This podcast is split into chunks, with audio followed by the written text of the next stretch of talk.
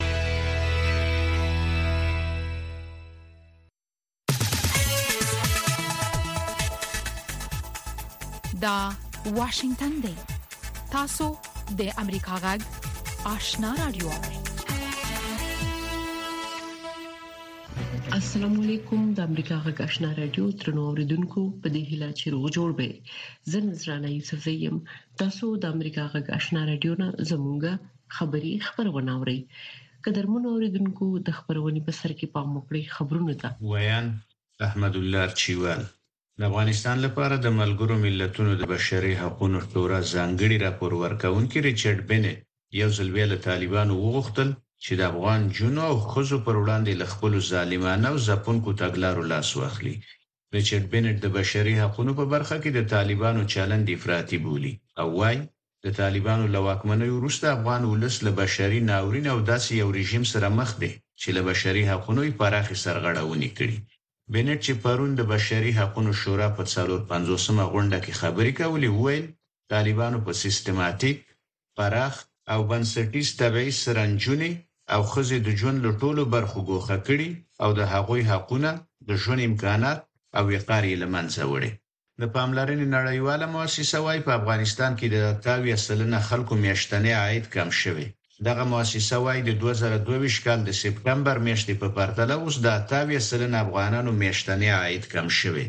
دې موسسې خپله هغه سروې چې نن یې جزیات په یو راپور کې خپاره کړي ویلي چې په نهه ولایتونو کې له درې سوه یو اتیا کسانو څخه چې پنځوس سلنه یې ښځې وې د میاشتني عاید په اړه پوښتنې کړي چې له دې ډلې درې اویا سلنه خلکو ورته ویلي چې په میاشت کې یې عاید تر پنځه زره افغانیو یا نهه پنځوس ډالرو څخه هم کم دی. په راپور کې ویل شوي، یو شپېته سلنه نارینه و او دوه څلوېښت سلنه ښځو ورته ویلي چې د خوراکي توکو د اخیستلو لپاره له خپلو دوستانو او خپلوانو پیسې پور کوي. د پاکستان د موقت حکومت لومړی وزیر وايي چې حکومت یې د افغان کډوالو د نیولو لپاره اقدامات پیلوي. پاکستان په خپله خاوره یو ځل بیا د افغان کډوالو د نیولو په تړاو د تازه هڅو د پیلېدو خبره کوي. په دې هېواد کې د سرپرست حکومت لومړي وزیر انورالحق کاکړ پرون له آج تلویزیون سره په یوه مرکه کې ویلي چې دوی په پاکستان کې د هغه افغانانو پر وړاندې چې قانوني اسناد نه لري د نیولو یو لړ نوي اقدامات پیلوي.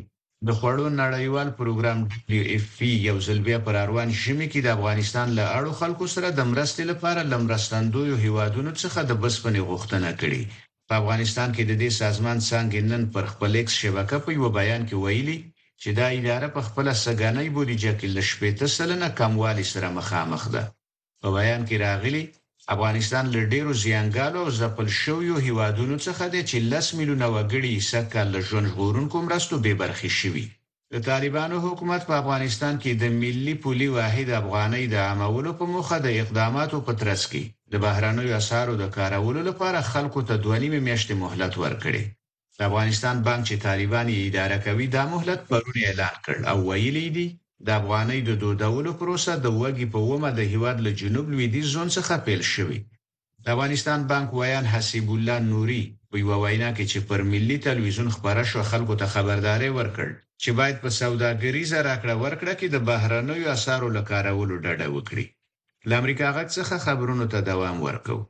د راپورونو له مخې متحده ایالاتو هوکړه کړې چې د امریکايي بندیانو د خوشې کېدو په بدل کې د ایران شاوخوا شپږ میلیارده ډالر کنګل شوي پیسې ازادې کړي.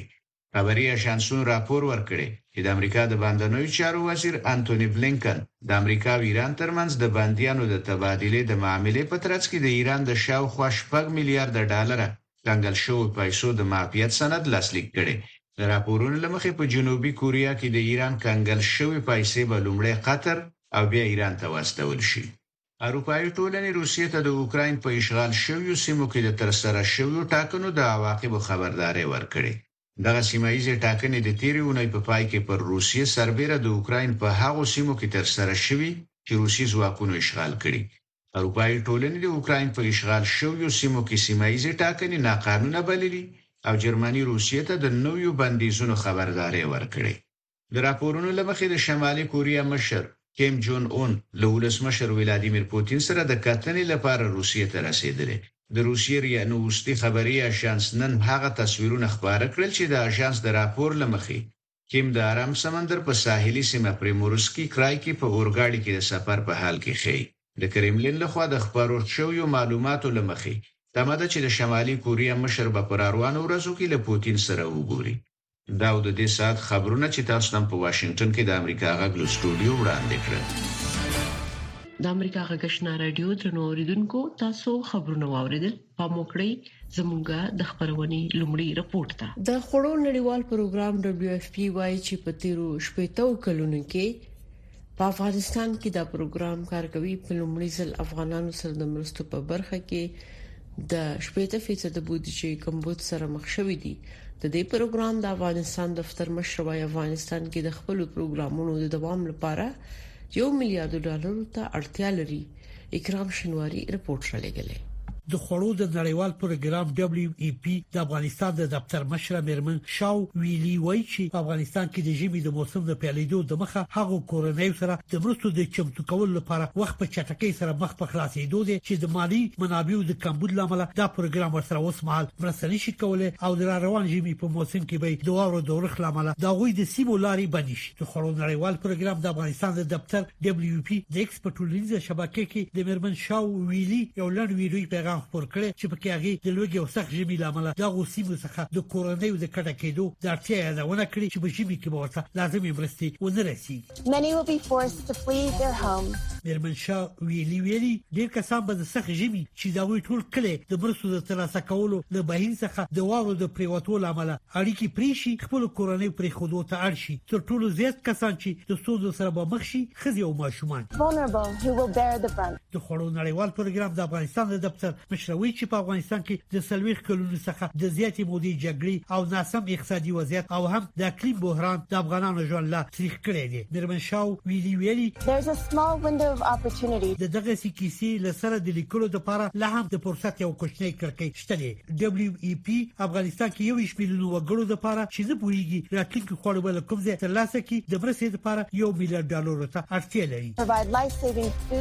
د ملګرو ملتونو د خوړو نړیوال پروګرام ویلي چې په تیر شپږ کلونو کې چې په افغانستان کې دا پروګرام کار کوي په لومړي ځل افغانانو سره د مرستو په برخه کې د 80% بودیجې د کمبود سره مخ شوې ده دغې ادارې د نړیوال ټولنې لخوا د مرستو د کمیدو وروسته د سپټامبر پنځم په یوه مطبوعاتي اعلامیه کې ویلي چې د بودیجې د کمښت سره مخ دي چې له امله هغو افغانانو شمېر نور هم کمی چې مخکې به ورسره مرستې کېدي دغه پروګرام ویلي چې د دې وروسته به د خوړو نړیوال پروګرام په افغانستان کې هره میاشت یوازې درې میلیونو مرستو ته اړو کسانو سره مرستې وکړي شي ډبلیو پی ویلي چې افغانستان کې د خوړو نړیوال پروګرام اړ دی چې د سپټامبر میاشت کې دوه میلیونه نور له لوږې سره مخ خلک د خوراکي توکو له مرستو له لیست څخه کم کړي دغه شمیره د هغو خلکو شمیر چې سږکال د خوړو نړیوال پروګرام د ملاتړ څخه بې برخې کیږي لس میلیونه کسان ته رسي د مخه د خوړو نړیوال پروګرام ویلي چې د بودیجې د کمښت لامل په افغانستان کې د 15 میلیونه کسانو له ډلې چې له لوږې سره مخ دي یوازې د 15 میلیونه سره به خپل مرستو ته دوام ورکړي په افغانستان کې د خوړو نړیوال پروګرام مشر میرمن شاه ویلي په دې اړه ویلي چې د لوګي او خوارځواکۍ د اندېښنې ورکه چې په جریان کې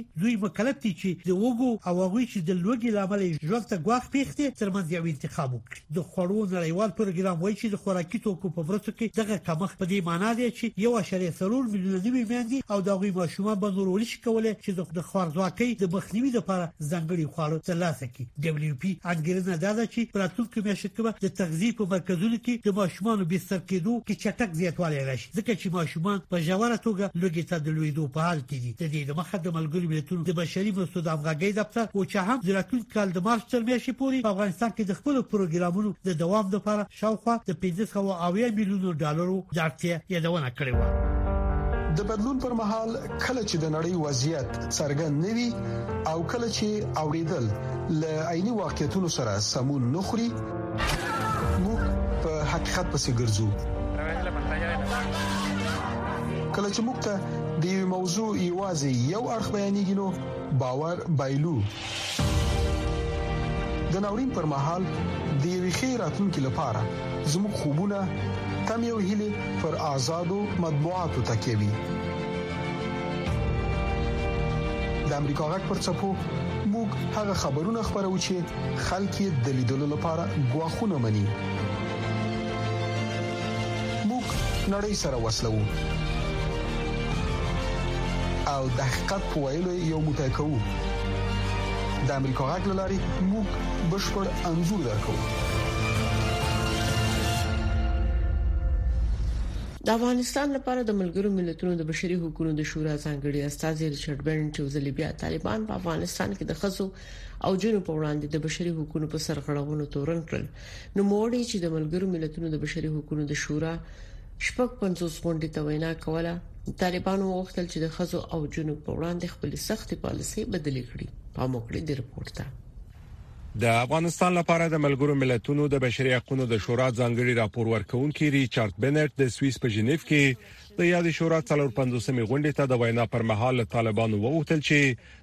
د میرمنو او انجونو په وړاندې خپلې سختې او د بدبختۍ ډکې پالیسۍ بدلې کړې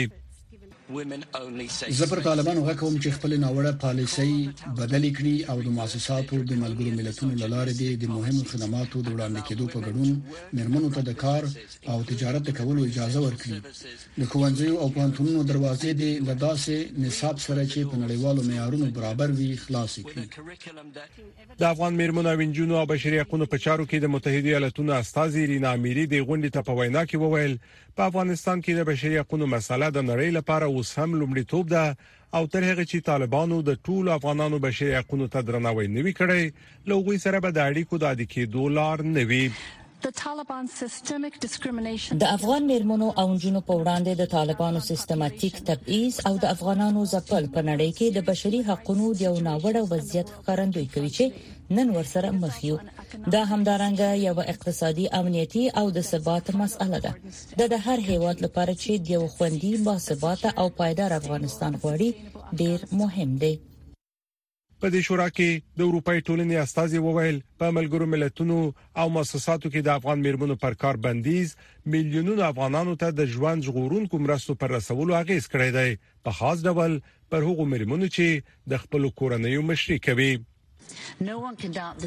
موږ له طالبانو غواړو چې د بشري حقوقو روان نقض او سرغړونو ته د پای ټکی کېږدي او د ټولو افغانانو حقوقو ته درناوی وکړي بیرته د مؤسساتو، خبریالانو او رسنیو کارکونکو ته دې د فعالیت آزاده زمینه برابره کړي او د میرمنو او نجونو او قومي او مذهبي ډلو په ګډون دې ټول افغانانو ته په برابر او معنادار ډول د مساوي سیاسي مشارکت زمینه برابره کړي. د ملګرو ملتونو د بشري حقوقو شورا په داسې حال کې غونډه کوي چې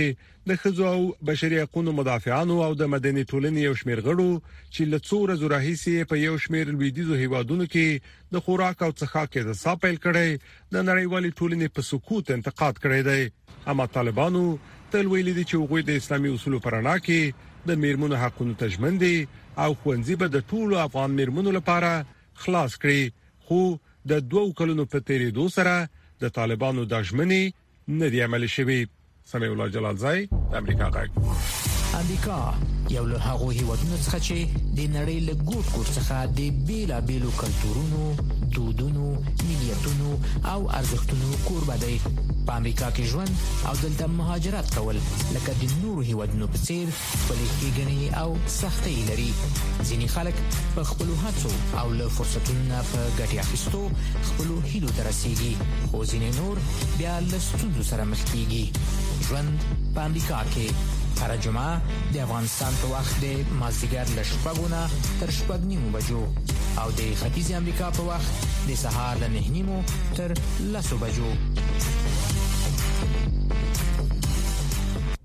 د افغانستان او پاکستان ترمنځ په ډیورنډ کرښه د تورخم دروازه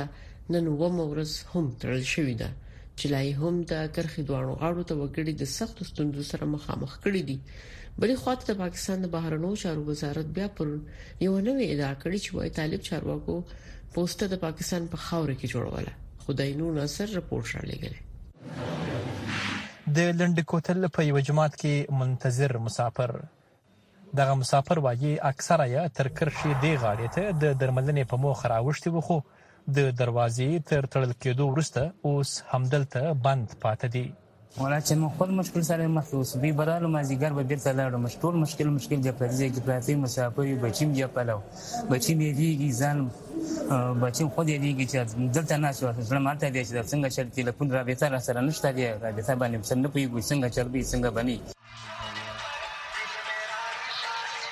دلته بیا د سړک په غاړه د یوې بلې شپې لپاره پخلی کیږي د کانټینرو چلوونکي په ګډه د شپې خوراک تیاروي دوی وایي ستونزې یې ورځ تر بلې زیاتیږي خو غږ یې هیڅوک هم نه اوري زمونږ نن مو مورز د شپدي ځکه ولاړ یو هیڅ زمونږ پختره نه دا کړی چې دلته څوک شتا کنه شتا دی مطلب د ورځې ګرمي د شپې مار لړمې رہی په دغه سرکونو پراته خپل یې د سرکونه لاریم ډکه ترانزیټ هم راچولې دي چې نن عمر د کمانو خطر شته د ټیرونو خطر شته د هر شي خطر شته موږ د هیڅ پته نه لګي چې موږ کوم ګناه کړی چې نن د سپری دي نن د سپری دي بلې خواته د پاکستان د بهرنیو چارو وزارت پرون په یو بیان کې ادعا کړې ده چې طالب چارواکو د دوی په خاوره کې پوسټه جوړونه او په همدې د دواړو هیوادونو د ځواکونو ترمنځ نشته وسوه چې د تورخم دروازه وتړل سوه تر دې وړاندې طالب چارواکو ویلي وو امنیتي پوسټه دوی د دوی غاړې ته جوړول چې پاکستاني ځواکونو ورباندې لومړی برید وکړ خدای نور ناصر امریکا ژغ طالبانو د افغانستان له دننه د امریکا غږ راډیو خبرونه درولې دي خو امریکا غږ په پوره شمنتیا خپل افغان اوریدونکو ته په پښتو او دری ژبه د کره باوري او هررخیزو خبرونو په خبرولو د افغانستان له بهره پر 902 کیلو هرتز منځنوي سپو خپل خبرونه ته دوام ورکړي د دې ترڅنګ تاسو کولی شئ چې زموږ پښتو خبرونه په لاندو ټکو هم واورئ پښتو سهارنې خبری خبرونه پر وزارت 290.0 ټکو اوریدل شي ما خبرنې پښتو خبرونه په 2040.0 2015.0 11815.0 میګا هرټز لاندو چپو اوریدل شي سپینه خبره یا رکو را خبرونه په لاندو چپو 2015.0 میگا هرتز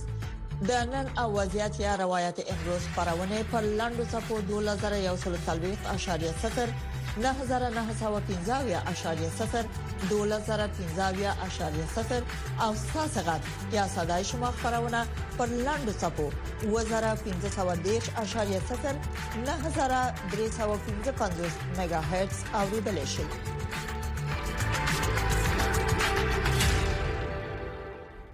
د زینو په باور 22 کال په خوا په امریکا کې د ترګری د پیښو وروسته په افغانستان کې پیل شوې جګړه د جګړن بلې غاړې ته د پاکستان پښتون مشت سیمو ته هم واغښته په پاکستان کې مش پښتانه سیاسي شنونکي وایي د 19 سپټمبر ترګرۍ بګړونکو په خورسته ترګرۍ په ضد نړیوال جګړې د دوه سیمې د ترګرو په ځالو بدل کړي نور حال د شیناز نفیس پر راپورټ کې د ډیورین کرښې ته نږدې د پټو شوو ترهګرو پر ضد جګړه کې ګڼ شمیر خلک بې کور شول د اتیا زرو نه زیات پښتانه ووجل شول او د بل هر ځای نه زیات د ډرون حمله هم وشوه او چې کوم دهشتګردي هغه هغه لوبه چې هغه په خوا په شان روانه ده نو د یو بل کوشش دا وشو چې پښتنو او د افغانانو چې شناخت قومي شناخت هغه بدل کړی شي زموږ شناخت چې دا تقریبا 12 14 سو کال نه دا افغان پښتون او مسلمان دا زموږ عمومي شناخت دی ولګیدو د مسلمان برخه چې دا د ته مبالغه ورکړه دې لپاره نه چې دوی په اسلام مئين دي، دې لپاره چې د افغان او پښتون برخه کمزورې کړي. د جګړې په اړه د پاکستان ریاستي بیانیه بدله ده. حکومت او فوجي مشرانو څو وارې ویلي چې جګړې ورته د لسګونو میلیارډو ډالرو نه زیات تاوان اړولی دی، په زرګونو فوجیان یې وژل شوي دي او ځان د ترهګرۍ قرباني بولي. خو دفاعي څېړونکي وايي، جګړې ګټې هم کړې دي. خبره پکې دا هم وشوه چې پاکستان ته د امریکای د طرف ځینی وسله په هغه وخت کې چې هغه کې اف 16 وغیرہ دي یا نور شي زونه دي هغه ملاو شو او هم سره زمونږه مطلب دی چې په اتیارو کې سنه سو برابرته یا بلکې خواله هم راغلو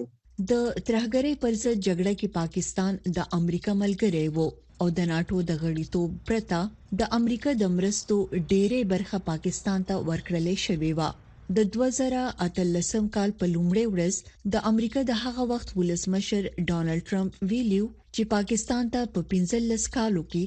30 میلیارډ ډالر ورکړل شوې خو په جواب کې هیڅ نه دی کړی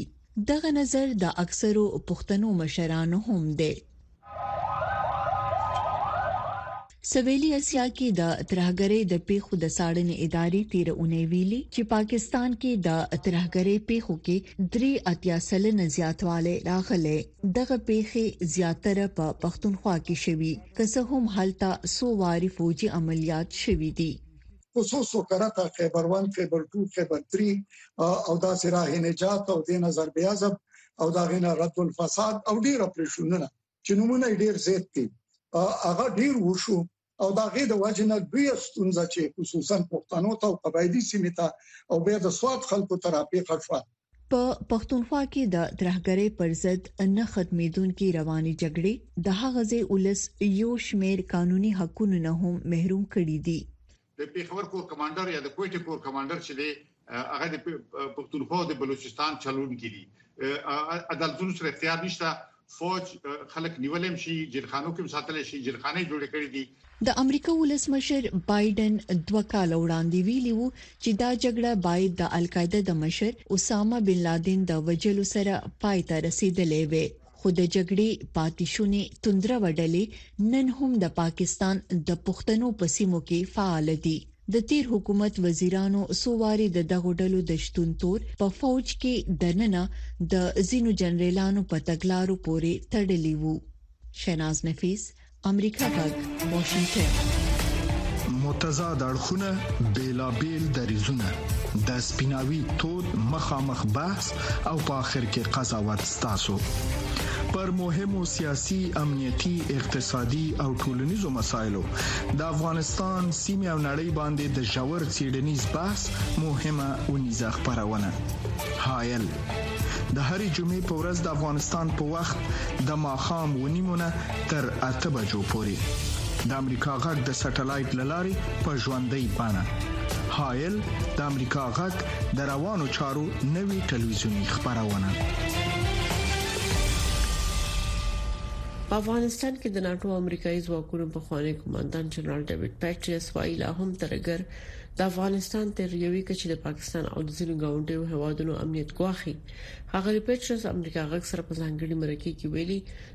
طالبانو د دوحې تړون ته ژمن نه وو، ځکه د القاعدې ډلې مشر ته یې نه یوازې ځای ورکړ، بلکې په کابل کې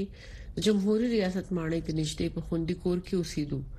زموږ همکار وحید فیضي د جنرال پټریاس سره مرکه کړې، تفصیل راوړئ. دوه کاله وشول چې طالبان په واک کې دي، د هغوی کړنې څنګه ارزوئ او د افغانستان د وضعیت په اړه ستاسو نظر څه دی؟ وروسته له هغه چې نږدې دوه کاله مخکې موږ د ځواکونو وتل بشپړ کړل ما وویل چې له افغانستان څخه د وتلو نتیجه غمجنه زړه ماتونکې او ناورین ځپلې و او لا هم فکر کوم چې همداسې ده د طالبانو کړنې د هغوی د تیر ځل واکمنۍ په پرتله چې القاعده ډلې ته یې ځای ورکړی وو او د سپټمبر د 11 نیټې برید پلان کړی وو محافظه کار دي د افغانانو وضعیت تت دی، هغه خلک چې په ښارونو کې اوسېږي او په ځانګړې توګه د هېواد نیمايي وګړي مېرمنې دي، مېرمنې پوهنتون ته نه شي تللی، هغوی عالي لیسې ته د تللو اجازه نه لري، نو وضعیت بوږنوونکی دی. امنیتي اندېښنې هم شته، هره اونۍ د داعش ډله برید کوي، د مقاومت افغانه ډله هم کله ناکله بریدونه کوي، راپورونه وايي چې تحریک طالبان پاکستان په افغانستان کې اډې لري او یقینا چې په لومړیو کې د القاعده ډلې ته ښه راغلاست وویل شو مونږ پوهیږو چې د القاعده ډلې مشر د جمهوریت ریاست ماڼۍ ته نږدې د امریکا د بي پیلوټ الوتکې په برید کې ووژل شو د ملګرو ملتونو راپور وایي چې القاعده او نور ډلې په افغانستان کې فعال دي که څه هم امریکایي چارواکي وایي چې له افغانستانه غواخ پېښ نه دی په دې اړه ستاسو نظر څه دی؟ عمده مسله دا ده چې لا هم ګواښ افغانستان د افغانستان امنیت تر یوې کچې پاکستان او ځنې گاونډي هیوادونو ته متوجي دي دوی لا تر اوسه په نړیواله کچه غښتلي نه دي لکه د القاعده ډله چې د سپټمبر د 11مې بریدي وکړ خو دا په دې مانا نه ده چې موږ پرې له نږدې څار ونه لرو، زه ډاډه یم چې موږ پر هغوی څار لا زیات کړو چې هلته څه روان دي. موږ په ځانګړې توګه د هغو ګواښونو په وړاندې حساس یو چې په ټوله نړۍ کې زموږ د متحدینو، شریکانو او متحده ایالتونو پر وړاندې دي. د ترهګرۍ پر وړاندې د مبارزې په برخه کې د طالبانو څرګندونو ته په کومه سترګه ګورئ؟ فکر کوئ طالبان د دوحې تړون ژمنې عملي کوي؟ Uh, نه طالبان د دوه تړون ته ژمن نه وو هغوی ویل چې افراطیانو ته به په خپل خاوره کې ځای نه ورکوي موږ ولیدل نه یوازې دا چې د القاعده ډلې مشر ته په خپل خاوره کې ځای ورکړی وو بلکې د جمهوریت ریاست ماڼۍ ته نږدې د طالبانو تر کنټرول لاندې کور کې اوسېده له دې پرته دوی د داعش خراسان ډلې سره په سخته جګړه کې ښکیل دي کوم چې د اسلامي دولت عناصر دي چې په افغانستان او پاکستان کې فعالیت کوي او په اونۍ کې څو ځلې په بریدونو کې ورته تلفات اړوي پاکستان وایي چې ټي ټي پی په افغانستان کې اړې لري او ګواښ کړی چې کو طالبان په وړاندې ونه درېږي اقدام به وکړي د طالبانو او ټي ټي پي ترمنځ اړیکو او د پاکستان اندېښنو ته په کومه سترګه تاسو ګورئ دا د حیرانتیا خبره ده پاکستان چې افغان طالبانو او د حقاني شبکې او یو شمېر نورو بلواګرو او افراطي ډلو ته په خپل خاوره کې ځای ورکړی وو داسې ګومان کېدو چې دوی له طالبانو سره ملګري دي او کله چې طالبان واک ته ورسېدل نو د اسلام آباد او کابل ترمنځ اړیکې به چې موږ هم شل کال هلته وو په خطوګه لا پراخ شي خو داسې پېښ نشول هغه څه چې د پام وړ دي هغه دادي چې طالبان په ټول هیواد باندې کنټرول نه لري په ځانګړي توګه په ختیځ او شمال ختیځ کې ځنې داسې غرنۍ او سخت سیمه شته په دغو سیمو کې ټي ټي پي کولای شي په اسانۍ سره د پاکستاني قبایلو سیمه ته تګ راتګ وکړي بریدونه وکړي او د هغه څه دي چې هغوی یې کوي لکه څنګه چې تاسو په هغه ټي ټي پي له لسیزو راهیسې فعال ده او په ټوله کې یو ګواښ دی خو د حیرانتیا خبره دا ده چې اوس د پاکستان ملګری طالبان په واکې دي پاکستانیان اړ دي چې افغانستان ته ولاړ شي او له ټي ټي پي سره معامله وکړي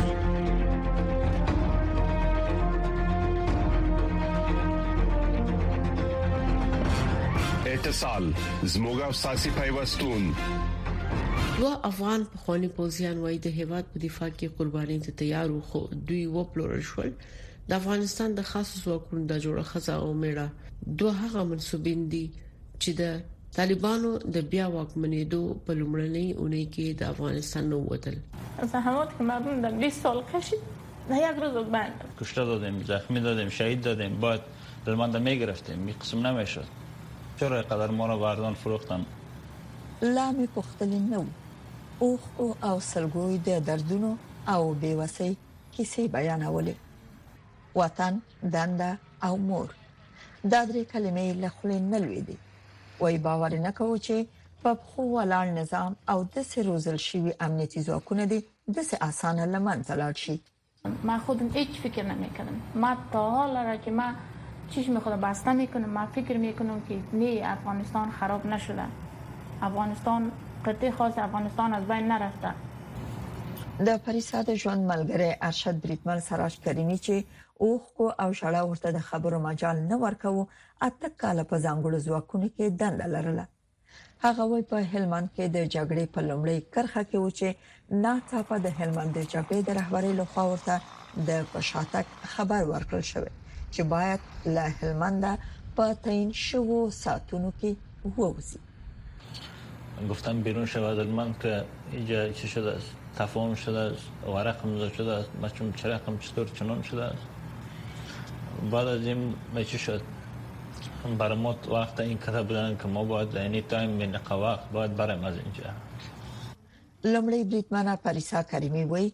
هوایي ډګر ته نږدې د مرمیو په باران کې د 15 ورځنی ماشوم سره د کورنۍ له خبرتیا پرته له کابل وتلی د څو ورځو اوږد او ستړي سفر نه وروسته خپل کورنۍ ته د وټلو خبر ورکړي میږي سنه د عقل تماس میږي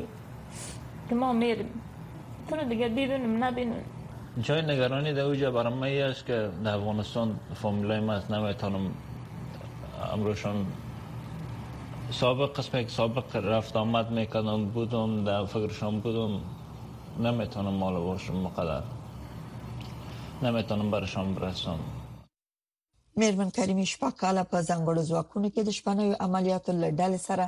د خزو او ماشومان د ساتنې او مراقبت په برخه کې کار کړی وای دوه کاله په امریکا کې تیر شو خو لا هم په فکری لحاظ دلته نه بلکې ځان د هغو افغان خزو او جنو سره یو ځای احساسوي چې هر ورځ د خپل هیلو جنازې خخي یو دختری هستم که امید داشت که پانتون بخوانه امید داشت که دکتر شوه امید داشت که قابله شوه امید داشت که او خبرنگار شوه امید داشت که افغانستان نجات بده ما اون او دختر هستم ما هیچ وقت خود خود امریکا احساس نمیکنم ما در امریکا هستم د افغانستان د پخوانی ځانګړو ځواکونو دا کارکونکي خزه او خاوند دواړه غواړي د اسنادو له تکمیلیدو وروسته د امریکا پوځ سره کار پیل کړي. د افغانستان د وسلوال پوځ په چوکاټ کې څلويخ زره ځانګړي ځواکونه او کمانډو دنده لرله چې یو نیم زره خزې او جنوي